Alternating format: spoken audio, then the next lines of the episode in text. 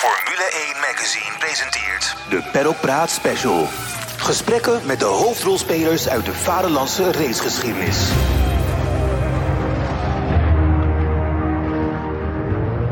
Hallo en fijn dat je luistert. Het heeft even geduurd, maar we hebben er weer een. Een nieuwe aflevering van Paddock Praat Special. De reeks podcast waarin collega André Venema en ik samen de hoofdrolspelers uit de Nederlandse racegeschiedenis voor de microfoon krijgen. Onze gast vandaag is de zelfbenoemde voorzitter van de Max Verstappen fanclub. Maar daar gaan we het niet over hebben. Tom Coronel won veel in de opstapklasses. Versloeg Mark Webber bij de Marlboro Masters. Een overwinning met ook een vermakelijk verhaal zoals alleen Coronel dat kan vertellen. En voor wie denkt, Tom Coronel, die heb ik deze week toch al op drie andere plekken gezien. Nu even niet. Geef het een kans. Hij legt ook uit waarom hij zich zo vaak laat zien en waarom hij en zijn broer de hoeren van de autosport zijn. Maar hij begint met een vermakelijke anekdote over de onderkoning van Macau. Veel plezier. Formule 1 Magazine. Paddock Praat. De special.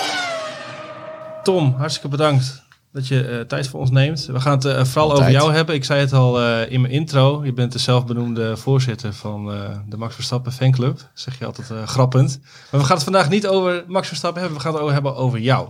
Goed zo. Over het hoe en waarom van Tom Coronel. En we beginnen eigenlijk altijd met een vraag aan André. Wat is het eerste waar jij aan denkt als jij aan Tom Coronel denkt? Ehm, nou, dat is, eigenlijk, eh, dat is eigenlijk niet zo moeilijk. En Tom weet het misschien zelf ook al wel. Dan denk ik aan, eh, dan denk ik aan Macau. Ehm, ik was, ik weet niet meer precies wanneer het was. Het zal zijn geweest 2005, 2006. Toen was ik voor het eerst eh, mee. Toen jij voor, voor Seat reed. Met eh, Klopt. PR-man Art van de Einde. Het wereldkampioenschap toerwagens. WTCC. Ja. En ehm, wij zijn toen een rondje over het circuit hebben we gereden. Ja. Het stratencircuit. Het stratencircuit, echt een geweldig circuit. Hè? Met, de, met de versmalling aan de achterkant. Ehm, en ehm, toen spraken we daar. eh, en bij die Grand Prix van Macau, er zijn nog wat doden gevallen in de afgelopen decennia. En Ja. toen zei jij van, wauw, een, eh, een dooie meer of minder, daar, eh, daar doen ze hier niet zo eh, moeilijk over. En dat vond ik, dat vond ik zo'n boude uitspraak, die Ja. me altijd bijgebleven. Ja, maar dat, weet je, kijk, tuurlijk, ik denk daar zelf anders over. Maar dat is in China, ben ik erachter gekomen, ja, ben je gewoon een nummer. Ja. En daar merkte ik echt wel dat zo van, nou ja, ehm, een, een motorrijder die, die crashte. Ja, die werd opgeruimd en de race ging weer verder. Ja. Ja, en zo ging dat. Dat vond ik natuurlijk ook altijd vreemd. Maar ik kwam natuurlijk al heel lang in Macau. Ja, zo, zo, zo werd dat daar opgepakt en gedaan. Ehm, ieder jaar ging er minstens één, eh, één eh, weg, zeg maar. Ehm, Motorrijden meestal, hè? Eigenlijk alleen maar motorrijders, ja. En eh, ja, dat werd gewoon opgeruimd er was er niks aan de hand. En, en, en, zo was het ook eh, wel eens dat, eh, dat een raceauto dwars door de barrière heen ging. En dan viel er ook een, een dode, want die, ja, die, die reden gewoon het publiek in. Ja, daar werd toen opgeruimd daar daar hoorde je niks meer van. Ja, en dat, dat, dat is inderdaad wat, ja, wat misschien een beetje shocking voor jou was op dat moment. Ehm, maar zo, ja, zo, zo gaat dat daar. Ja, Ja. ja, kan ik niks aan doen. Ja, wat trouwens nog wel, eh, wat ik nog even zeg, wat wel heel erg leuk was en wat, me ook, wat ik ook nooit zal vergeten, dat, zijn, eh, dat, zijn de, dat waren de etentjes met, eh, met Johnny Fok. Ja, Hè? Dat is volgens mij jouw grootste vriend Ja, daar. dat is, ja, dat noemen ze de president onder de tafel in Macau. Die ken ik al vanaf eh, 1995, ehm, dat ik daar kom. Ehm, en ieder jaar ja, sprak hij één woord meer Engels. Het eerste jaar dat ik ontmoette was eh Valali, Valali, Valali. Nou, dat betekent dus dat hij een Ferrari had. Het jaar daarna was Michael Schumacher, Michael Schumacher, Michael Schumacher. En eh, nu heel voorzichtig zegt hij ook eh, eh, Tommy Party, Tommy Party. Dat is een... Waar komt dat vandaan dan? ja, Macau is natuurlijk een beetje Las Vegas van Azië. En dat beetje. is ja, een beetje heel heftig. Een keer, Ehm, eh, keer een aantal keer. ja, ja het- ze zeggen 3,5 keer groter dan Las Vegas. Maar het is gewoon wat ze op de tafel leggen. Want Ja. er gebeurt meer onder de tafel dan op de tafel. Dus het is gewoon hoe groot ze zelf willen zijn. Ehm, ja, en deze meneer is een van de aangetrouwde van de vier mensen die in Macau een goklicentie hebben. Ja, en we hebben ook wel eens gevraagd aan, eh, toen wij een etentje hadden, daar was je bij. Ja. Hebben wij de man, eh, toen zaten we met Johnny Fokker, zeiden we, ah, de Venetian, Venetian. Nou, dan fout hij in één keer zijn businesskaartje uit. Bleek dat hij daar ook weer iets mee te maken had. Nou, dat blijkt natuurlijk gewoon van zijn aangetrouwde familie te zijn. En eh, toen, zei hij, eh, toen kwam daar de marketingmanager binnen en toen zeiden we, maar wat en wie is Johnny? En toen begon hij een beetje te lachen. En toen zei hij gewoon heel simpel, let's call him the government under the table. Nou, dat is Johnny Fok. Ja, een beetje, ja, of je het mafiosi wil noemen, of hoe je het ook grijze wil gebied, noemen. eh. Het is, eh, ja, de- eh, ook die dingen gebeuren daar zo in Macau. We zaten in een heel duur restaurant en we konden alles bestellen wat we wilden. Johnny die zei na afloop van het was lekker en we gingen allemaal weg. En ik heb nooit een rekening gezien. Nee, dat klopt. Johnny betaalde ook altijd. Johnny Fok was ook degene, als je met hem eh, ergens binnenkwam... en als je door het casino heen liep... dan kwam je langs alle winkeltjes van Gucci... en je kent het allemaal, eh, de, de, de dikke diamanten en zo. En er was iedereen die boog voor. En als we dan het casino binnenkwamen... en ze zagen Johnny Fok eh, aankomen lopen... Dan, dan stonden ze in één keer een stuk rechterop dan daarvoor. Er werden mensen echt van tafel afgetrokken... omdat Johnny daar wilde zitten. Die werden gewoon echt zo, zo omge- omgegooid. En, en dat was het dan. Ja, dat was echt ongelooflijk. Dat was gewoon, dit, dit- ik bedoel, je hebt de, koning. Ja, je hebt de koning, de koning en de opperkoning. En dan daarboven, dat was Johnny. Ja. Ja, dat was echt, echt, echt uniek. En ik kom hem nog steeds ieder jaar tegen. Als ik eh Macau binnenkom, dan, eh, dan is het alsof ik gewoon een chip in mijn kont heb zitten. Want Johnny Fok weet mij altijd te vinden. Ja, dat is echt niet te geloven. Dat is echt serieus waar. Ik ben wel eens met mijn meisje, zei ik, nou vanavond geen Johnny Fok. En dan wilde ik helemaal links achter in de hoek en boven drie trappen ging ik in een restaurantje zitten. Wie komt daar binnenlopen voordat ik aan het voorgerecht zat? Johnny Fok. Ja, dat is echt, dat, dat, is, eh, dat is inderdaad, die man is legendary. Als je hem ook gewoon intoetst bij Google, Johnny Fok Macau, dan krijg ik alleen maar foto's met mij. Dat is echt gewoon, gewoon to- Dat toets me in. een aantal door jou gemaakt. Nee, nee, nee, nee. Dat is gewoon door mensen om mij heen. Is hij toch wel een soort van eh, bekend geworden. Ja. Wat hij ook doet, is, is mensen geld lenen die daar aan het gokken zijn. En dan pakt hij nog even het laatste moment eh, de laatste spulletjes af, volgens mij. Dus ja, ik weet je, het is allemaal heel, heel apart. maar als ik er ben, zorgt hij heel goed voor me. En ook de mensen als ze zien als ik met Johnny ben. Dus, eh, dus voor mij is het altijd oké. Op de, Goeie, ja, goede connectie. ja, Ja. op de een of andere manier trek je dat soort eh, mensen, eh, mensen ook aan. Hè? Ja, Dat, eh, ja, is dat zo? Er gebeurde altijd wel iets. eh, Ja, there's never a dull moment Ja. met Tommy, zegt mijn meisje altijd. Dus eh, ja, dat, ik, ik, ik hou wel van energie, bedrijvigheid. Eh, ik kan zelf heel moeilijk stilzitten natuurlijk. Ja, dan kom je ook dit soort mensen onderweg wel heel veel tegen. Ja. Dus dat klopt. Maar Ik hoop dat je even nog, eh, nog stil kan zitten. Want we, gaan het, eh, we duiken altijd met onze gast een beetje in, eh, in zijn verleden. Ehm, je was bij geboorte was jij al eh, Romeo en Tim was Alfa. Als ik het goed heb. Ja. Was had je eigenlijk ooit iets anders kunnen worden dan coureur? Nee, nee, ik denk het niet. Ehm, mijn opa was een hele bekende motorracer, Berters van Amersveld. Berters op zijn Norton, Tinus op zijn BSA. Als je ook eh, vanaf eh, Utrecht dus de afslag neemt voor de TT van Assen. De rotonde heet ook de Berters van Amersveld rotonde. Die is vernoemd naar mijn opa. Ja. Een hele bekende motorracer. Ehm, nou ja, mijn moeder, dat was de mascotte, de officiële mascotte van MV Augusta. Die, dus die werd de hele wereld overgevlogen door, eh, door de hele Italiaanse familie. En echt privéhelikopters en eh, je kent het allemaal wel. Dus ja, het was, natuurlijk, eh, was natuurlijk een behoorlijke groepie. Een mooie dame die overal naartoe werd, werd ingevlogen voor de gezelligheid. Nou, dan hadden we ook nog eens een keer mijn vader die natuurlijk geraced heeft. Altijd in Alfa Romeo, Datsun. Mijn broers die altijd aan het racen waren. Raymond Coronel, Jip Coronel. Ja, dan had ik... ja, ik, ik had geen tennisser kunnen worden, denk ik. Nee, nee. ook dus- nooit iets anders gewild? Nee, nee, nee, eigenlijk nee, nooit, nooit over nagedacht. Nee. Dus je wordt vanzelf wel getriggerd in, in, in de automotive, in de race scene. Mhm. Het gerucht gaat ook dat Tim en ik geproduceerd zijn op de achterbank van de Alfa Romeo. Ja. Dus eh, ja, Nooit bevestigd?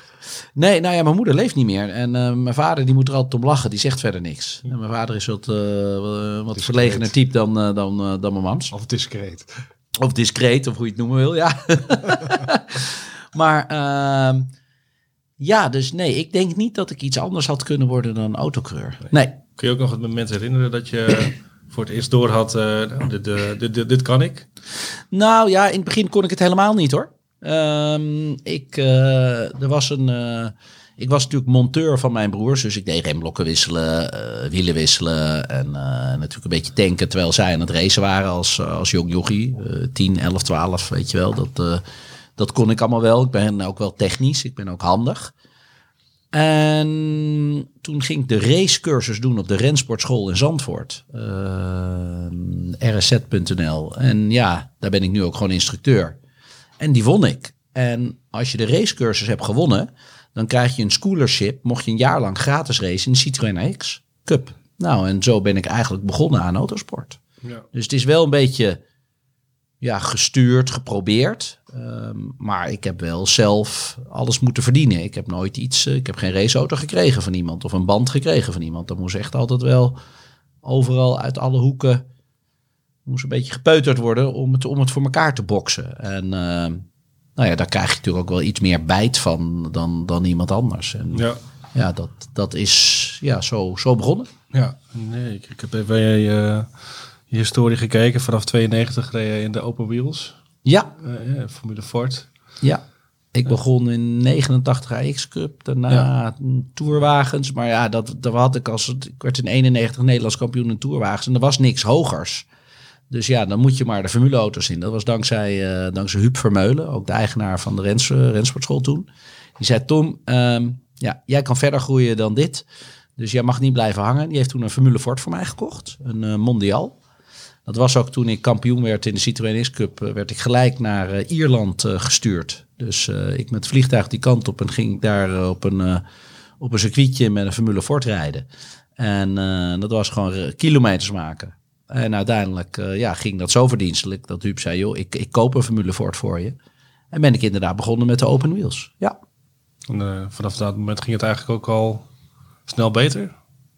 Nou ja, kijk, weet je hoe het werkt? Eh, je moet gewoon natuurlijk groeien. Weet je, als je ieder jaar gewoon kampioen wordt, ja, eh, dat is, ja dan, dan, dan moet je een klasse hoger. En zo is het wel gegaan. Eh, ik won natuurlijk eh Citroën X Cup, het kampioenschap, Tourwagen, het kampioenschap, Formule Ford won ik het kampioenschap. Eh, nou, toen gingen we, ja, dan, dan moet je de volgende stap doen. Auto met vleugels. Ehm, ja, dan kom je automatisch terecht eh, bij Open Lotus, was dat toen. Eh, bij Van Amersfoort Racing was een, een van de meest professionele teams op dat moment. Ja, dat ging eigenlijk ook een beetje te goed. Weet je, eigenlijk ging het allemaal te goed. eh, als je het zo snel bekijkt. Dat, ik denk niet dat dat zo makkelijk was. Ja, Robin Vrijns, eh, die heeft dat toch altijd wel ook heel snel Maar bedoel je gedaan. dat, je, dat het een beetje kwam aanwaaien? Of? Nee, zeker niet. Nee, nee, nee, nee, nee. Ik, nee, ik heb er echt alles voor gedaan. Maar weet je, als je het eerste jaar naar kampioenschap begint, denk je, nou, het zou mooi zijn als ik bij de top 5 finish. Maar ja, als je, Ja. Dan, ja, eh, als je dan kampioen wordt, ja, en dan? Ja, dan moet je weer een klasse hoger. Ja, en dat was eigenlijk ieder jaar zo. Mhm. Weet je, ik, ik ging wel all in. Dus nee, ik heb, eh, ik heb nooit, eh, nooit, eh, nooit verzaakt, zeg maar. Nee. Ik, ik was serieus scherp. Ik wilde maar één ding en dat was races winnen. Ja, en als je heel veel races wint en goed scoort, ja, dan word je automatisch kampioen. Maar als je kampioen wordt geworden in de klasse, ja, dan, dan is het niet de bedoeling dat het jaar daarna weer blijft. Die titel verdedigen, nee, dan moet je een stapje hoger, moet je een klasje omhoog. En zo is dat eh, gegroeid. Ja. Hoe kom je eigenlijk in Japan terecht? Ik, ja, dat is wel een mooi verhaal. Ik werd gebeld door, eh, door Tom's Toyota. Ik reed Formule 3 in Duitsland. Uh, was teamgenoot van Ralf Schumacher. Eh, voor Opel, Spies. En die zeiden, als je Ralf Schumacher het laatste, jaar voorla het laatste race voorlaat, dan volgend jaar, dan krijg je met ons een deal. nou, die, toen ben ik voor de finish assortiment van beide uit mijn auto geklommen. Heb ik met mijn hand zo voorbij gewuifd. Vonden ze niet leuk. Je lag voor dus. Ralf ook niet. Ik zat er zeker voor. Zat je er vaak voor eigenlijk? Nee, nee, nee, maar het einde van het seizoen wel. Ik moest eh, Formule 3 heb ik in het begin wel eventjes eh, even moeten wennen. Ik had natuurlijk nooit gekart en eh, ja, dat, dat, ja, dat was toch wel weinig vermogen. Je kon, je kon niet echt glijden met de auto. En ik, ik heb veel gedrift, dus ik had echt wel heel veel wagenbeheersing. Maar Formule 3 is echt heel voorzichtig en rollen. Maar aan het eind eh, van het seizoen zeker. Toen heb ik Ralf Schumacher een paar keer voor moeten laten gaan. En toen had ik eigenlijk de deal met Opel dat ze mij zouden helpen het jaar daarna. Dat was eh, met Bertram Schever. Eh, BSR Racing. En die belde mij in één keer op met kerst. Die zegt, joh, eh, Marcel Tiemand komt bij me rijden. Want die heeft meer geld dan jij. Dus eh, sorry, maar dat was het. En je kan me voor het gerecht dagen. En ik weet dat we een contract hebben. Maar ik zet je toch niet in de auto. Tot ziens. Boom. Dacht ik zoiets, wow. En nu? En toen heel toevallig werd ik gebeld door een Japanner. Komi Susumo. Ik vergeet nooit meer. Ik was aan het werk op de kartbaan in Huizen. En die zei, ja, wil je voor mij komen racen in Japan? Ik ben een Japans raceteam, Tom's Toyota. Toen zei ik, nee, nee, nee, sorry, eh, no interest. Dat hadden ze nog nooit meegemaakt. Toen heeft Komi, eh Tom's Toyota, heeft Jan Lammers gebeld. Die zegt, joh, ik weet het niet, maar wij zouden graag met eh, Tom Coronel willen rijden. Maar ja, die zegt nee. Nou, dat hadden ze nog nooit meegemaakt. Dus toen belde Jan mij op. En die zegt, joh Tom, mm, ga je nog een keer bellen? Misschien iets serieuzer nemen. Iets meer tijd aan besteden. En eh, ik adviseer het je eh, toch echt, eh, echt te doen. Nou, toen ik weer met Komi, die belde geloof ik drie uurtjes later. Ehm, ja, die, die begonnen te denken, je krijgt een salaris, je krijgt een auto, we hebben een appartement voor je. Ja, en Bertram Schever had natuurlijk net afgebeld. Dus er was ook eigenlijk niks anders. En ik werd in één keer professional. Ja, dat vond ik wel wijs. Nou ja, toen ben ik maar in mijn eentje naar Japan gegaan. En eh, ja, dat is, eh, dat is wel heel, eh, heel oké geweest. Dat is goed uitgepakt, ja. Was Ja. dat, was, is dat levensbepalend geweest? Voor mij wel. Ja, anders was mijn carrière denk ik gestopt. Er, was, er was geen geld meer, niet de financiële middelen zeg maar, om, het, om het hier in Europa voor elkaar te krijgen. Eh, dus moest ik naar Japan toe. Ja, en ik werd daar gewoon echt rode loper, ging uit. Als ik niet gewonnen had, dan vroegen ze, joh, eh, wat was er fout met de auto? Zeg, nou ja, misschien dat ik het zelf niet uitstrip uitgehaald. Ja, maar wat was het? De motor of het chassis? Ik denk, oh, oké. Mijn probleem is in ieder geval opgelost hier. nou ja, en dan, weet je, ja, dan kan je wel heel gaaf schakelen met zo'n professioneel team. Eén probleem was alleen, ik zat in Japan, maar ik wilde ook in Europa opvallen. Dus ja, dat, dat vond ik Dat is destijds toch lastiger nog. Nou ja, ze hadden zoiets van, oh ja, die coronel die wint wel races, maar die, ja, in Japan, weet je wel. En toen had ik zoiets van, ja, dat gaan we even anders aanpakken. Eh, ik breng even het Japanse team, breng ik even naar Nederland, naar de Marlboro Masters. Ja, en eh, ja, dat ging toen ook lekker, zeg maar. Want die wonnen we uiteindelijk met Ja. het Japanse team. Ik weet nog dat mijn teambaas mij belde na de race, dat ik, of ik belde hem. eh, Tachi van Tom's Toyota, T-O-M. Dat mensen denken dat dat Toyota Motorsport is, maar dat is gewoon Tachi Ojiwa Motorsports. En Tachi, de ene baas, die, eh, die belde ik op en ik zei: We hebben gewonnen, we hebben gewonnen. Oké, Tom, we weten, hè, ja, je bent altijd zo goed met eh, grapjes maken. Waar ben je gefinished? En ze wist dat ik vierde op de grid stond. En in Formule 3 kon je eigenlijk niet inhalen. En ik zei: Nee, wij hebben gewonnen. Ja, die, die wilde het gewoon niet geloven. Die wilde het niet geloven. Totdat ik in de, in de sportkrant de volgende dag echt met een pagina in Japan eh, stond. Dat ik met een Toyota motor de Marlboro Masters had gewonnen. Ja, dat was, dat was voor hun ook. En de Marlboro Masters was in Japan wel een... eh, Ja, dat, is dat de Wimbledon. wel, ja. Dat is de Wimbledon Ja, ja. Onder, onder de Formule 3, de autosport. Dat was het allerbelangrijkste wat er was. Met de eh, meeste deelnemers ooit. Het waren 56 deelnemers. Er mochten maar 55 man officieel deelnemen. En ik weet nog hoe ik dat bekokstoven had. Dat was twee maanden daarvoor. Dat was dan nog, je moest, dat was dan nogal een klus om... eh, Een klus, een gevecht. Ja. Ik, heb, eh, ik wilde gewoon de Marlboro Masters rijden. En ik denk, eh, dus ik ging hier naar Nederland toe. Toen ik in Nederland was, vanuit Japan. Ben ik naar Nederland gevlogen. Afspraak gemaakt met Marlboro. Ik zeg, jongens, Nederlander, Marlboro, weet je, in de Marlboro kleuren. En ik was een Marlboro rijder. Volgens mij moeten we, dat, moeten we daar een project van maken. Nou ja, nou ja, nou ja. Ik zeg, nou, als ik een auto en de spullenregels zouden we... Ja, nou oké, wij doen mee. Dus ik kom in Japan aan. En ik loop gewoon bij Ojiwa, dat is de O. Liep ik naar binnen. En ik zeg, eh, ik ga de Marlboro Masters rijden. Hij zei, dat kan niet, want dan hebben we tegelijkertijd een race in Sugo. In eh, Sendai, in het noorden. Ik zei, ja, maar eh, je kan doen wat je wil. Ik kom niet naar Sugo. Ik kom echt niet. Ik ga de Marlboro Masters. Hij zegt, ja, maar Tom, dat kan niet, want we hebben geen motor. Ik zeg, maar hoe bedoel je geen motor? Ik zeg, je bent motorleverancier. Ik zeg, er staan er hier 30 in trek. Ja, maar die zijn van onze klanten. En toen zei ik, ja, maar hoezo? Dan gebruiken we toch die motor die we ook gebruiken in het Japans kampioenschap. Ja, maar ja, dat is gebruikte. Dan moeten we ook wel een nieuwe maken. Ik zeg, ja, ik weet niet wat je allemaal verzint. Ik zeg, maar ik kom niet naar Sendai. Ik, wij gaan de Marlboro Masters rijden. Ik zeg, ik heb het sponsoring geregeld. Ik heb het transport geregeld. eh, dus we kunnen gewoon. En toen zei hij, je hebt echt het transport geregeld. Nou, ik heb nieuws voor je. Ik kan er helemaal niks geregeld. Dus eh, het zeg ik, ja hoor. Dus ik mijn maatje gebeld. Die werkte hier voor Fast, Fast Forward Freight, weet ik nog. Camille, die heb ik toen gebeld. En heb ik gezegd, Camille, doe eventjes een fax. Want ja, toen ging dat dan met de fax. Hè. Dat e-mailen was nog allemaal niet zo groot. Dus zeg eventjes dat de ruimte is gere- eh, eh, gereserveerd. En verzin eventjes een vliegtuig. Geloof dat eh, wat is het, Duitse airline maatschappij had en dat soort dingen. Dus ik loop met die fax loop ik naar binnen bij Jiwa. Ik zeg hier, ik zei het je toch? ik zeg, eh, dus dat komt allemaal goed. Nou, en toen uiteindelijk, eh, toen was dat fix. Toen ben ik, eh, toen ben ik naar Nederland gevlogen. Toen zei ik, ja Camille, nou moet je het ook fixen. Nou, dat is nog wel een gedoetje geweest. En toen ben ik naar Zandvoort gegaan en ik loop daar binnen. Ik weet nog bij Hans Ernst, die was circuitdirecteur. Ik zei, ik wilde Marlboro Masters rijden. Maar de inschrijving is gesloten. Barry Bland. Hij zei, inschrijving gesloten? Hij zei, ah, ik begrijp het al. Zij willen niet komen rijden, want jij rijdt. Ik dacht, oh, oké, goede uitspraak. Ik zeg, zou jij dan eventjes een vakje willen doen naar Barry Bland? Nou, in één keer, eh, ja, oké, oké, oké, de inschrijving is officieel gesloten, maar oké, jij krijgt nog een inschrijving. Maar ik wil natuurlijk hier, wilde ik scoren. Dus ze zeiden ze, ja, hoe zit het eh, met benzine? Want er was Shell, die was sponsoring. En alle tuners, die kregen dan 100 liter, zo'n hele grote, eh, grote barrel met, eh, met benzine. Om hem, die laatste pk'tjes eruit te halen, precies tegen het pingel aan. Dus die motor helemaal te maximaliseren met, met tunen. En toen zei ik, ja, dat moet ik ook hebben. Ja, dat kan niet, want die is verzegeld. Dus ik weer, ik denk, nou wacht even, ik moet naar Hans Ernst toe, want die heeft, eh, die heeft al meerdere eh, deuren voor mij geopend met de koevoet ertussen. Dus ik zeg, Hans, ik, eh, ik moet benzine hebben. Hij zegt, ah, maar dat is geen probleem, dat regelen we wel. Ik doe wel even een belletje. Nou, er werd een belletje naar Pernis gedaan. Ik ging met mijn auto naar Pernis doen met een paar jerrycannetjes. en ik kom eraan, ik zeg, nou ja, die, die benzine moet ik hebben. Nou, zij vullen die benzine. ja, en met, met de groeten van Hans Ernst. Dus ik kom bij Camille aan met twee jerrycannetjes benzine. Ik vergeet het nooit meer. Ik zet ze op tafel. Ik zeg, die moet over drie dagen in Japan zijn, want kunnen we de motor tunen. En die begint keihard te lachen. Hij zegt, Tom, dat is gewoon een bom. Dat kan niet. Dat kan niet aan boord van een vliegtuig. Dat kunnen we niet opsturen.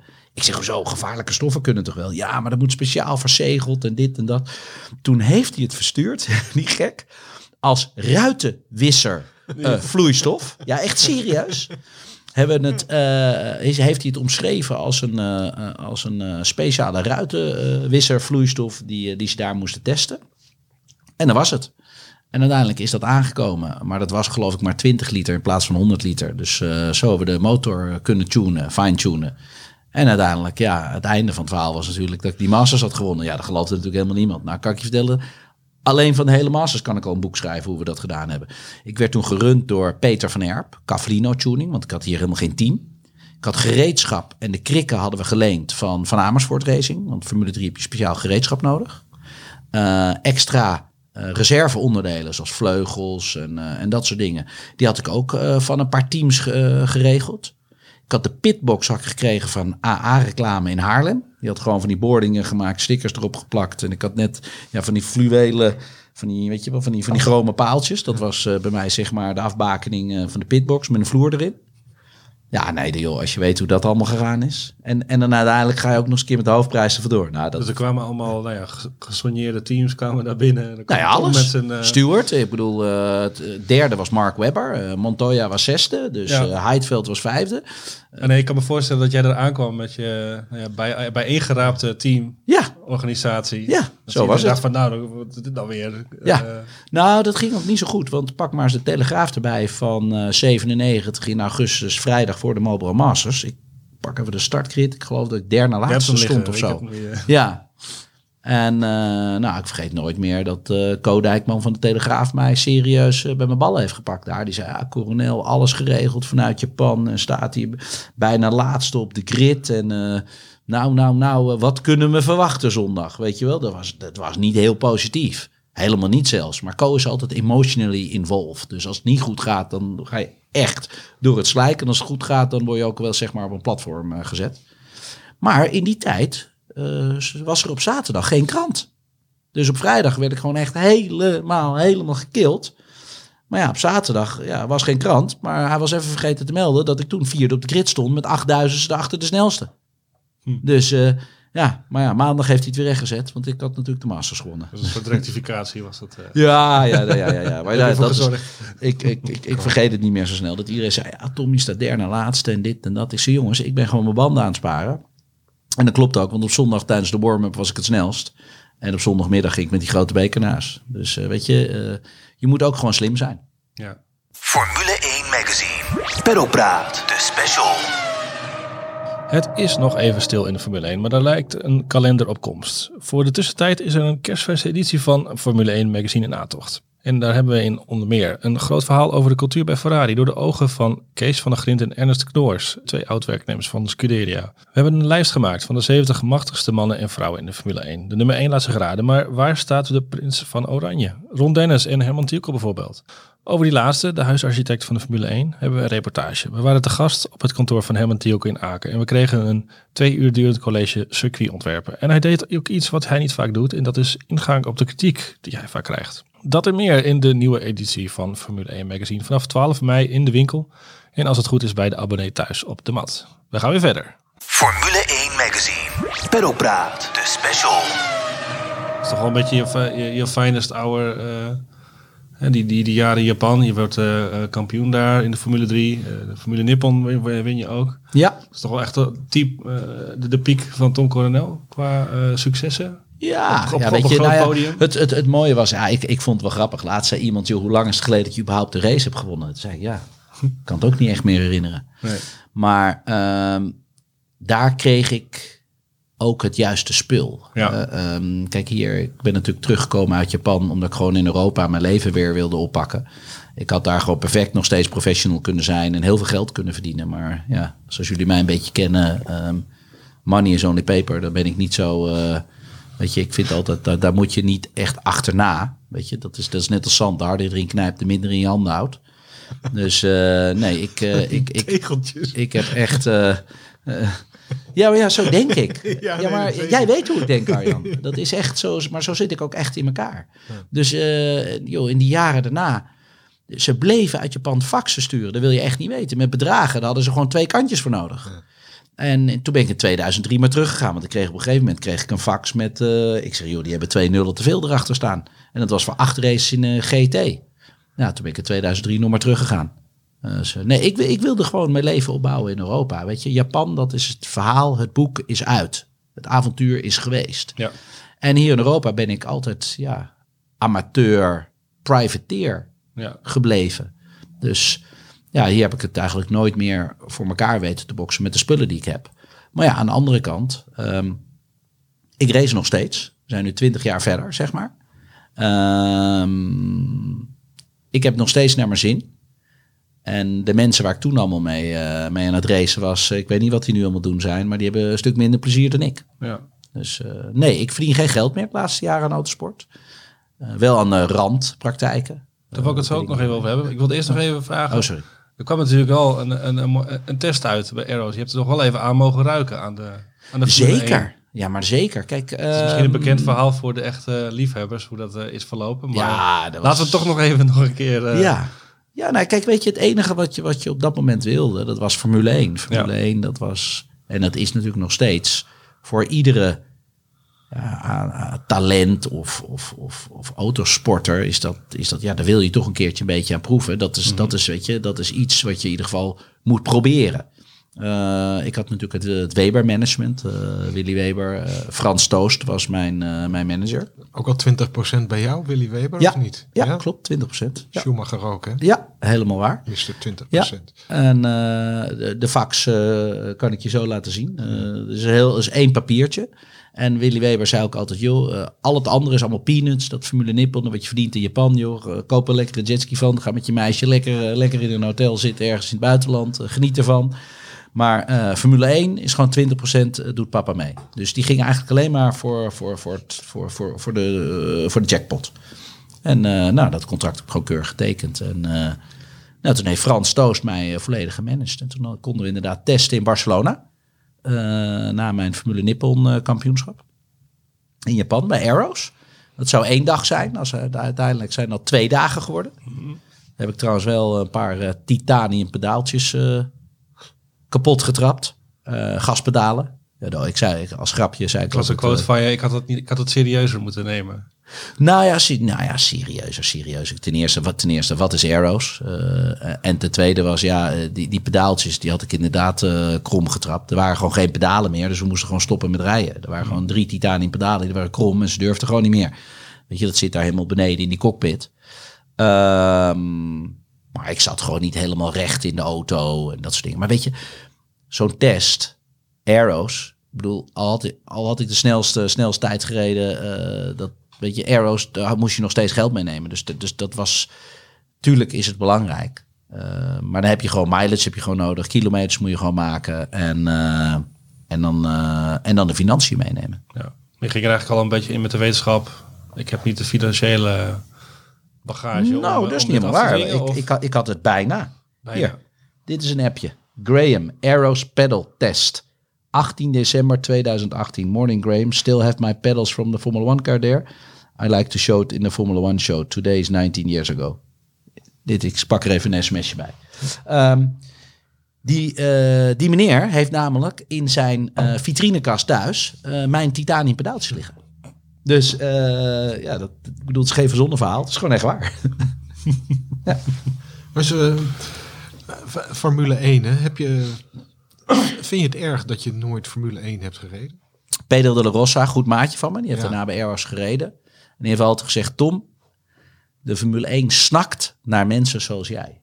Ehm, Karakters. ja, ja, hij zegt, eh, alleen politiek gezien had jij het daar niet volgehouden. Daar ben jij te open, te eerlijk en te netjes voor. Dus eh, ik zei, joh Pedro, het interesseert me helemaal niks meer. Want het is heel simpel. eh, eh, het is voor mij niks meer en ik vind het niks. Pedro heeft echt serieus meegemaakt dat je als je in een lift staat, dat gewoon de concurrent, de conculega, dat was een, toen geloof ik een Alesi of zo, of wie was dat toen? Nou ja, die stapte niet in de lift samen met hem. Hij zei, hier, ga mee. Nee, nee, nee, nee, niet met jou, weet je wel. Hij zei, joh, wat is dit nou voor raar gedrag? Allemaal egootjes, allemaal mannetjes, allemaal haantjes. En ik was juist al het persoon wat alle rijders bij elkaar bracht en een eh, goed feestje ging bouwen. Ja, dat, eh, dat vind ik ook goed, weet je wel. Naar, naar input, ja, naar, naar, naar, ja, ko- komt ook een beetje de, de relaxation. Ja. En zo, zo ben ik altijd eh, gelukkig gebleven. Weet je, ik, ik heb mijn eigen, mijn eigen systeem, mijn eigen manier van leven. En ja, I'm okay. Je, je Ik zegt, mis Formule 1 niet, laat Nee. ik het zo zeggen. maar je, je, zegt, eh, je zegt ook vaak, dat heb je ook vaak eh, in, ons, eh, in ons blad eh, gezegd van... eh, het zijn allemaal talking heads, of allemaal, niet allemaal, maar de echte karakters, weet je, de uitgesproken mensen, ik zie en ik, ik hoor ze niet. Formule 1 is te, Te commercieel. zakelijk, te corporate. Ja, ja, vind ik wel. Ehm, ik, denk, eh, ik denk dat, eh, dat onze, onze Hollandse, Nederlandse diamant, eh, zijn naam hoef ik niet te noemen, jullie weten over wie ik het heb, dat die gelukkig tenminste nog een beetje vanuit zichzelf lekkere uitspraken doet. Maar die wordt het ook heel voorzichtig, wordt, die, wordt het hem afgeleerd. Weet je, je moet wel de emotie zijn gang laten gaan. Ik bedoel, je mag, als iemand je in de weg rijdt, mag je hem niet meer een zetje geven. of boos tegen hem doen als je uit de auto stapt. Weet je, adrenaline door het dak heen, je stapt uit, iemand heeft je gepiepeld en je mag hem niet eens meer een zetje geven. Ja, jongens, waar zijn we nou allemaal mee bezig? Ik bedoel, ik begrijp dat het geen bokswedstrijd hoeft te worden. Maar, maar de emotie moet je wel kunnen laten gaan. Als, als jij eraf wordt geduwd of eraf vliegt door iemand anders, dan mag je niet eens meer langs de baan met je vuist omhoog staan. Dat is intimidatie. Dan denk ik, joh, wat zijn dat voor halve garen bij de VIA? Dit kan toch niet waar zijn? Je moet dat, weet je, en ja, dat, ja ik baal daar wel een beetje van dat, dat ik dat, Dat een beetje mis. taakstraffen voor worden uitgedeeld. Ja, wat een onzin allemaal. Wat een onzin, jongens. Dit is, dit is topsport. Dit is emotie. En, ehm, en er horen ook gewoon gevoel, gevoelsuitspraken bij. Laat ik het maar zo noemen. Weet je, en iedereen denkt anders. Nou, dat mag toch? Er is toch niks, niks mis mee? Ik heb hem niet vermoord op de baan, dus eh, wat, is, eh, wat is het probleem? Nee. Het gevoel van een Formule 1 auto, kun je dat onder woorden brengen? Nou, Is dat iets als iets anders? Of is dat... Nee hoor, nee hoor, nee. Dus gewoon ieder is, is van de Formule Ford naar de Opel Lotus, van de Opel Lotus naar Formule 3, van de Formule 3 naar Formule 3000 en van de Formule 3000 naar Formule 1. Het is gewoon iedere keer een stapje hoger. Maar dat that's it. Maar dat is het ook, weet je. Vroeger eh, toen je... Toen je Het was niet iets overweldigends toen je Nee. voor het eerst aanremde? Of Nee, nee hoor, nee. Ja, het is gewoon een stapje hoger. dacht je al meteen aan die pedalen die eh, toch... Nee, nee, nee hoor, nee, nee. Weet je, kijk, in die tijd was Formule Nippon, eh, daar hadden wij echt serieus ja. meer downforce dan, eh, eh, dan, autosport, dan de Formule 1 in die auto's. Eh, toen race ook met de Groove Tires, weet je wel, 99, toen Irvine. En eh, wat was het, Jacques Villeneuve zo mopperde over de, over, over de grip, eh, de downforce. Eh, toen was ook de stepped floor, hadden ze net ingevoerd en zo. Ja, dus, ja, dus die dingen, ja, dat waren, die vleugels hingen eraan. Maar het was niet echt dat je de hoek omging en dat je je hoofd moest vastpakken. Ehm, Ja, dan hadden wij Formule Nippon wel. Dus nee, ik was niet. Ik was onder de indruk van de acceleratie, kan ik nog herinneren. Ik was onder de indruk van de vertraging. Maar niet, eh, niet van eh, hoe zo'n ding de hoek omging. Nee, het is gewoon een auto, vierwielen, gaspedaal, rempedaal. Ja. En, na, en na die test is het, volgens mij is toen het open wheel racing ook een beetje afgelopen ook voor jou, toch? Toen maar- vooral je, en eh, op- GT's gaan Op een gegeven moment moet je gewoon zeggen, joh, we hebben het geprobeerd. Ja. Niet haalbaar, this is it. Maar ja, ik ben wel autosportfanaat. Ja. Ik hou wel van racen. Ja. Eh, en dan echt serieus boven alles. En dat is ook waarom ik nog steeds race. Ik heb het ook nodig, weet je. Sommige mensen hebben een bepaalde drugs nodig. Eh, ja, en ik, ik ben gewoon autosport verslaafd. Ja. En dat is verslavender dan cocaïne, denk ik. Want eh, Dat is wel gezonder, misschien. Ja, ja, dat weet ik niet. Dat is, kan, kan een hele heftige discussie worden. maar ehm, ik heb autosport nodig. Dat is gewoon... eh, het, is, het, is, het is water, brood en autosport. Dat is, dat is that's my life. Als ik daar even op eh, in mag haken. Ik heb eh, vier jaar geleden een verhaal met jou en Tim gemaakt aan de vooravond van, eh, van Dakar. En toen, zei, toen zeiden jullie, eh, of toen zei jij, Tim en ik zijn, eh, zijn autosporthoeren. Het maakt niet uit wat je wil. In principe doen we er alles voor. Ja. ja, nou ja, dat is ook zo. Wij doen alles om maar in een raceauto te kunnen zitten. eh vierwielen gas te geven. Want dat geeft ons die kick die wij dus nodig hebben. En, weet je, en daar bedoel ik mee met een verslaving. Met een verslaving moet je dus heel veel offers geven. Ehm, nou, ik denk dat Tim en ik daar echt wel een groot voorbeeld van zijn. Eh, want ja, wij, wij vechten echt wel voor, voor onze toekomstrace. Is, is, zijn jullie daarom ook zo zichtbaar? Ik bedoel, jullie zijn eh, heel commercieel. Hè? Dat, eh, daar hoeven we niet uh, geheimzinnig nee. over te doen. Maar dat moet ik zijn, want anders race ik niet. Nee, precies. Ja, ik, ik moet commercieel zijn, want dat zijn uiteindelijk de partners die zorgen dat ik kan racen. Kijk, de beste stuurlui staan aan wal, weet je wel. Het is, ja, maar ik heb gewonnen, ik ben heel goed. Ja, nou en. Weet je, eh, waar het om gaat, is dat jij een bepaalde tegenwaarde geeft aan degene die jou supporten. En dat heet sponsoring of relaties of partners, hoe je het allemaal noemen wil.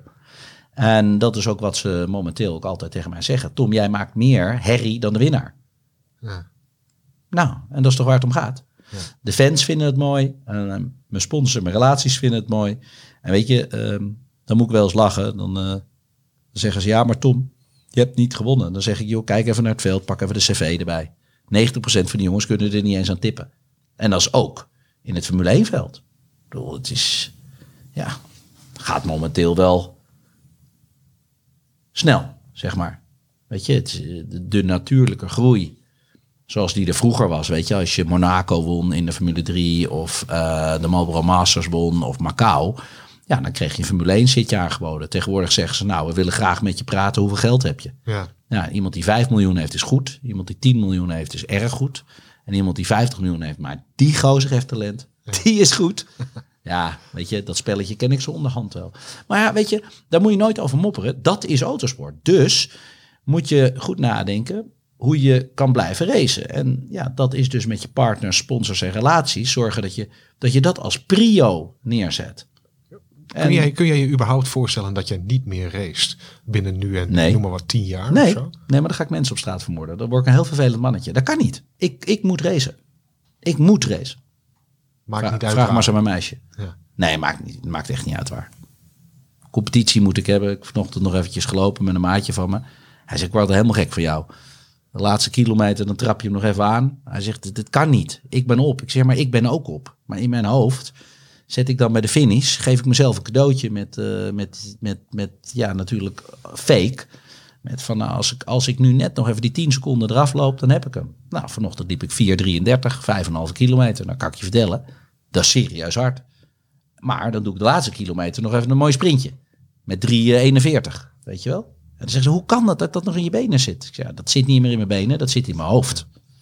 En, eh, en hardlopen is niks anders dan je lichaam naar voren laten leunen en je benen laten volgen. Je zei net, ik moet ervoor blijven zorgen dat ik kan blijven racen. Is daar, eh, wanneer dacht jij, ik moet social media daarvoor gaan gebruiken? Want het is toch een, een, een, een belangrijke tool voor jou om die zichtbaarheid eh in een stand te hele houden. belangrijke en tool, Om ja. mensen aan je te binden. Nou ja, niet mensen, het zijn, Of je, partijen, je- je- je- partners. het zijn je directe fans. Ja. En uiteindelijk, waarom zou een relatie mij sponsoren? Nou, doordat zij zichtbaarheid krijgen. En die zichtbaarheid willen ze ook in de doelgroep hebben. Nou, dat is het mooie van social media. Dat jouw doelgroep direct bij jou zichtbaar is. Vroeger eh, nou, nam ik, eh, zoals, eh, zoals Arjan, iedereen nam ik mee. Ja, toch? Ja, maar Ik ik, nam- alleen geen Arjen. Nee, sorry. Eh. Dat komt omdat ik, zit met Arjan eh, van Vliet in mijn hoofd. eh, vanwege het boek. Sorry. Eh, André. Eh, dit, dit, dit, is, dit is eventjes... eh, weet je, ik nam... Iedereen nam ik altijd mee naar de races. Ehm, zodat zij een verslag konden doen van mijn races. Ja, en dat verslag werd dan gelezen door mijn fans. En uiteindelijk, nu zijn mijn fans direct aan mij verbonden. Dus het is niet dat ik de media niet meer nodig heb, zo bedoel ik het niet. Want de media is nog ook nog steeds belangrijk. Maar mijn directe fans heb ik via social media weten te bereiken. Dat is een database die ik zelf heb opgebouwd. Je hebt je eigen platform. Ja, zo, zo is het eigenlijk. Ik heb eigenlijk mijn eigen magazine, als je het zo ziet. Dus ehm, ja, ik zag dat vrij vroeg, dat, dat fans heel erg gaaf vonden dat ik zo extrovert... Je filmt overal. Was? Je, je filmt als er een crash Ja. is. Ik kan, Alles. ik kan me een filmpje herinneren dat er eh, twintig auto's op elkaar gevouwen Ja. stonden. Port- Porto. Villarreal, geloof Ja, eh Villarreal was het. Ja. Sorry, Ja. ja. Nee, eh, nee, maar, Sta je daar... nee, maar dan pak ik direct de camera uit mijn auto en dan ga ik filmen. Dat vindt de organisatie niet altijd leuk, want ik heb echt wel een berisping gekregen van, van de baas van de WTCC toen of de WTCR. brandweerauto aanreed. Brandweerauto, inderdaad. Ja, ja, maar de helm nog op. Ja, maar dus het negatieve weet ik naar positief te draaien. En dan weet ik een heel verhaal omheen te maken. Kijk, normaal als iemand crasht, dan wil hij tegen niemand vertellen. Niemand mag het horen, want mijn ego, mijn ego is geraakt. En dan denk ik alleen maar, dat is juist wat de mensen willen horen. Want dat is gaaf, weet je. Dan, dan, ben, je, dan ben je echt, dan ben je natuurlijk, dan ben je genuine. Nou ja, dat is eigenlijk hoe ik het zie. Ja.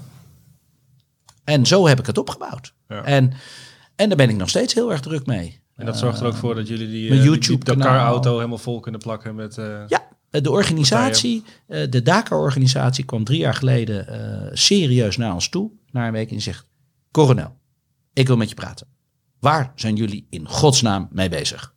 Zeg ik, "Eh, eh, wat bedoel je? Nee, hij zegt, wat ik ook doe, ik kom jullie overal tegen.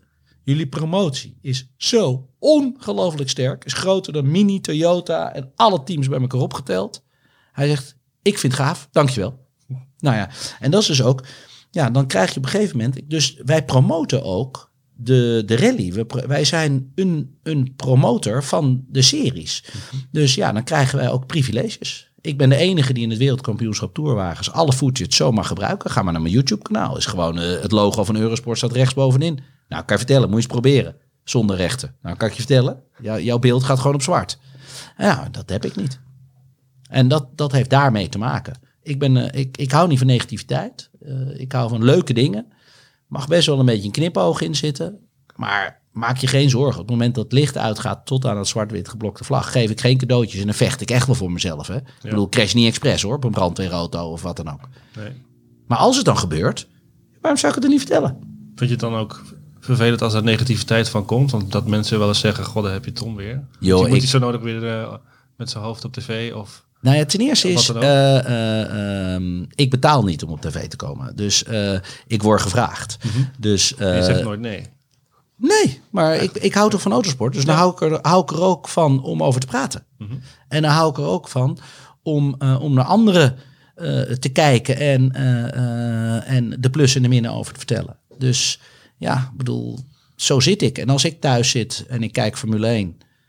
Ja, ik bedoel, kan je ook een camera op me zetten? Ik denk dat ik gek word. Ik sta te stuiteren, ik hol door de camera heen, ik spring op de bank. Ik, ik ben gewoon wie ik ben. En weet je, als je me niet leuk vindt, eh, nou, zet dan de tv uit. Dat maakt mij niet uit. Maar ik weet, ik weet waarom ik gevraagd word. Ja. Omdat ik echt ben. Ik verzin geen verhaal. Dat denken mensen misschien, maar ik verzin geen verhaal. Er moet toch ook altijd een coronel bij Ziggo zitten, bij de Formule 1 uitzending? Dat wil Zico graag. Ja.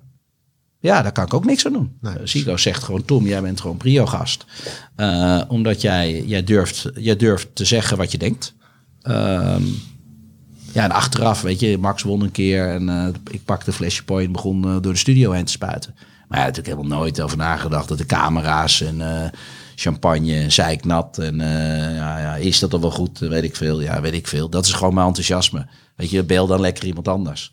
Ja, Dat, maar ja, ben je, dat ben je wel. Dat, eh, en, ja, zo ben ik. ja. Maar ga maar s'avonds een keertje met mij op stap. Ik denk, ik denk dat ik mezelf nog inhoud.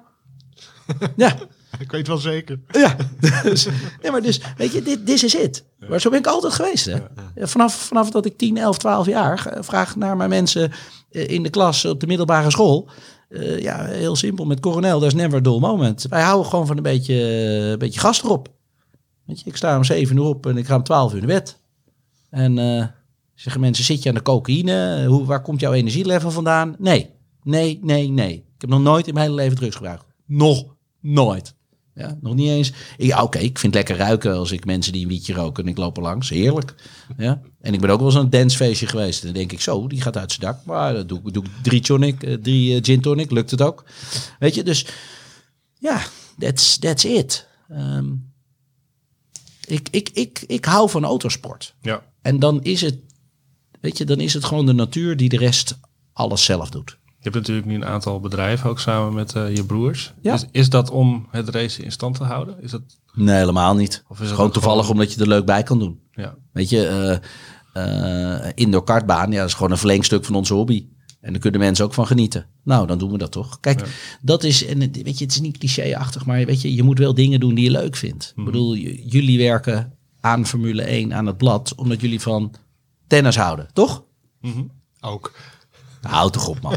Niet waar. Dat is gewoon omdat je autosport fanaat, gek, lover bent. Nou, dus ja, helaas, wij hebben gewoon allemaal eh, dezelfde verslaving. En de een heeft iets meer nodig dan de ander qua shot. Maar ja, dat is, dat is hoe ik leef. Ja. Heb, heb, jij, heb jij echte vrienden overgehouden eh, aan, eh, aan de racerij? Goeie vraag. Ja. Echte vrienden. Ja.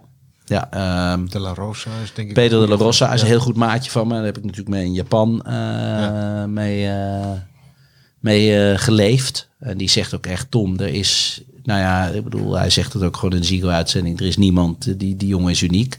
Maar er komt gewoon, ja, hoe wij met elkaar omgaan. Hoe ik hem eigenlijk zijn hartje heb gewonnen. Zo zie ik het eigenlijk. Hij is een heel ander type dan jij. Hè? Dus hij is Ja, ja, maar eigenlijk ja. misschien wel precies het tegenovergestelde. Ja, ja dat is hij echt, ja. Maar ja, ik heb wel gezorgd dat er in hem ook wat, wat, wat minder remming ging zitten, weet je wel. Dus eh, wel ook het, het genieten van, eh, van, van het moment. Ehm, Norberto Fontana, daar heb ik eh serieus een goede band mee. Argentijn, Ralf Furman. Hele goede band mee. Maar weet je, het zijn allemaal mensen. Kijk, ik, ik ben het type. ehm, if you give, you get. Ik behandel mensen zoals ze mij behandelen. Ehm, dus ik ben altijd heel goed voor hun geweest. En dat begrepen ze niet. Weet je, eh, want in principe ben je concurrent. Ja, dat klopt, op de baan. Maar naast de baan zijn we maatjes. Nou ja, en daarmee zagen ze wel dat ik wel gewoon heel puur ben. Nou ja, en ja nou, op een gegeven moment dan, ja, dan, dan, dan word je gewoon goede maatjes. Weet je, en dan ga- gaat het ook, ook als het slecht met je gaat of je eventjes een dipje hebt, ja, dan zijn het wel echte vrienden. Ehm, dus nee, ik zie dat zeker. Maar eh, vergeet niet mijn andere maatje, Duncan Huisman. Vier jaar lang mijn teamgenoot geweest bij Carly Motors. Nou ja, serieus. Weet je, je krijgt een band samen. Je slaapt samen op de kamer. Je praat met elkaar. eh, eh, weet je, dus ja, dat, dat, dat zijn wel hele gave dingen. Ik weet zeker als ik serieuze shit heb en ik deze mensen bel, dat ze er voor me zijn. 100.000 procent zeker weten. Want dan ben ik namelijk ook tien keer voor hun geweest. Nog, nog, één, eh, nog iets, iets anders nog even over Japan, eh, Tom. Hoe leefde jij daar? Volgens mij, eh, ik, volgens mij heb je me wel eens verteld dat, het, dat je daar zeer primitief leefde in je, in je woningje. Nou ja, kijk, als jij als, wat is het, ik was toen 324. Je komt aan in een land waar je de taal niet spreekt. Je wordt in een appartement gezet aan de voet van Mount Fuji. Niet in Tokio, de stad, hè. En dat is echt, eh, ik bedoel, dat is in Gotemba, daar wonen, ik denk, eh 3000 man. Ja, dus zeg maar, je wordt ergens in eh, Noord-Friesland in een eh, gehucht gezet. Ja, dat gevoel heb je dan. En dan moet je wel de hele tijd tegen jezelf zeggen: waarom ben ik hier? Ik ben hier voor het racen. Dus het was gewoon constant. Was het was die wortel voor je houden en wegtrekken op het moment dat een hap wilde nemen. Weet je wel, dat, dat was het eigenlijk. Ja, weet je, je, je, je, moet er ook wat voor over hebben. Kijk, mensen denken altijd: het is altijd feest. Ja, dat is niet waar. Weet je, het is op zondag feest als je gewonnen hebt. En, en, eh, en het is vrijdagavond, is het gezellig op de circuitsweekenden, omdat ik de coureurs bij elkaar krijg. eh, om eventjes een drankje met elkaar te doen. Want ja, want daarna komt toch wel heel veel spanning tussen iedereen. Ehm, ja, dat, dat is eigenlijk hoe je, het, hoe je het moet zien. Kijk, weet je, je, je moet ook heel veel tijd en, en, en, en dingen laten als je iets wil bereiken. En dat maakt niet uit met wat. En, en dat was het zeker in Japan. Het was niet alleen maar gezellig en gaaf. Ik bedoel, er zijn dagen geweest dat ik echt wel gewoon eh, natte oogjes had hoor. Dat, Ja. dat is eh, serieus eh, een feit. Ik bedoel, mijn relatie is uitgegaan omdat ik gewoon autosport ging voor. En ik heb echt serieus. mijn vriendin toen die zei: Het is ik of autosport. Toen zei ik, schat, dat, eh, dat had je nooit moeten zeggen. Ik zei: Want dat is een hele makkelijke keuze. Jij niet. Ja, dat was, dat is die verslaving. Dus ja, ik heb, eh, het was niet altijd mooi. Wat denk je als het slecht weer is in Japan? Het regent, het is mistig. En, weet je, ik zat een beetje in Gotemba. Het zit op de voet van Mount Fuji op 1800 meter Je hoogte. woont toch ook in een vrij klein appartement. eh, Klein. We zitten nu in een grotere kamer dan mijn hele appartement. Ja. Dus eh, ik bedoel, als ik mijn armen uitstak en ik, en ik draaide een rondje, had ik alle twee mijn armen gebroken. En alles van de muur geslagen. Dus ja, heel simpel. Er stond een bed. En die moest je iedere dag opruimen, want anders had je, had je niet eens een kamer. Nee. Dus eh, ja, dat klopt. Maar ja, weet je, iedereen leefde daar zo in Japan. Dus ja, dat, dat is nou eenmaal zo. En dat was moeilijk, een begin te wennen aan de cultuur. Ik had mazzel dat ik wel van het eten hield. Ehm, maar ja, communiceren, ja, dat, dat, dat, dat ging niet. Ik, wat ik dan deed, dan eh, ging ik met de auto eh, en je moest ook links rijden. Ja, dan reed ik gewoon rechtuit de ene kant op een uur en rechtuit weer terug. En dan hoopte ik dat ik mijn eigen dorp uitkwam. Ja, dat, dat waren, want borden lezen ging niet. Dat was onmogelijk. Dus, eh, maar ja, en, en ja, weet je, als je alleen bent, dan denk je ook over dingen na. Dan, ik denk ook dat het goed is voor een topsporter om alleen te zijn in het buitenland. Daar word je gewoon sterker van. Ja, het vormt je. Ja. Ja. Volgend jaar word je 50, toch? Ja. Ja, bijna. Hoe lang eh, kun je die verslaving nog, eh, nog voeden? Word je, de, de- word je een soort eh, Michel Blekemolen die tot eh het einde der tijden Nou ja, het is heel simpel. Michel Blekemolen en Jan Lammers, dat zijn mijn voorbeeld. Ja. Ja, dat zijn serieus mijn voorbeeld. Eh, ehm, Niet alleen qua racen, maar ook qua... Nee, maar weet je, kijk, eh, kijk eh, Jan is een autosportverslaafde, Michel is een autosportverslaafde, en dat ben ik ook. Eh, gelukkig kunnen zij ook nog hun moment of fame pakken. Eh, kunnen zij ervan genieten. Ehm, en mijn wereld is autosport. Dus ik bedoel, weet je, je, je ziet van die mensen die komen en gaan. En eh, weet je, het is moeilijk om namen te noemen. Maar er zijn mensen die hebben Formule 1 gereden in Nederland. En daar hoor je, daar zie je niks meer van. En dan denk ik, ja joh, jij bent toch autosporter? Kom op, kom op. Ja, en die, die kan of niet tegen de kritiek, of niet tegen het duel, of niet tegen. Ja, of. Zijn dit recente coureurs? Ja, ik, ik wil geen namen noemen. Weet je, ik, ik, ik, ik, ik vind als je.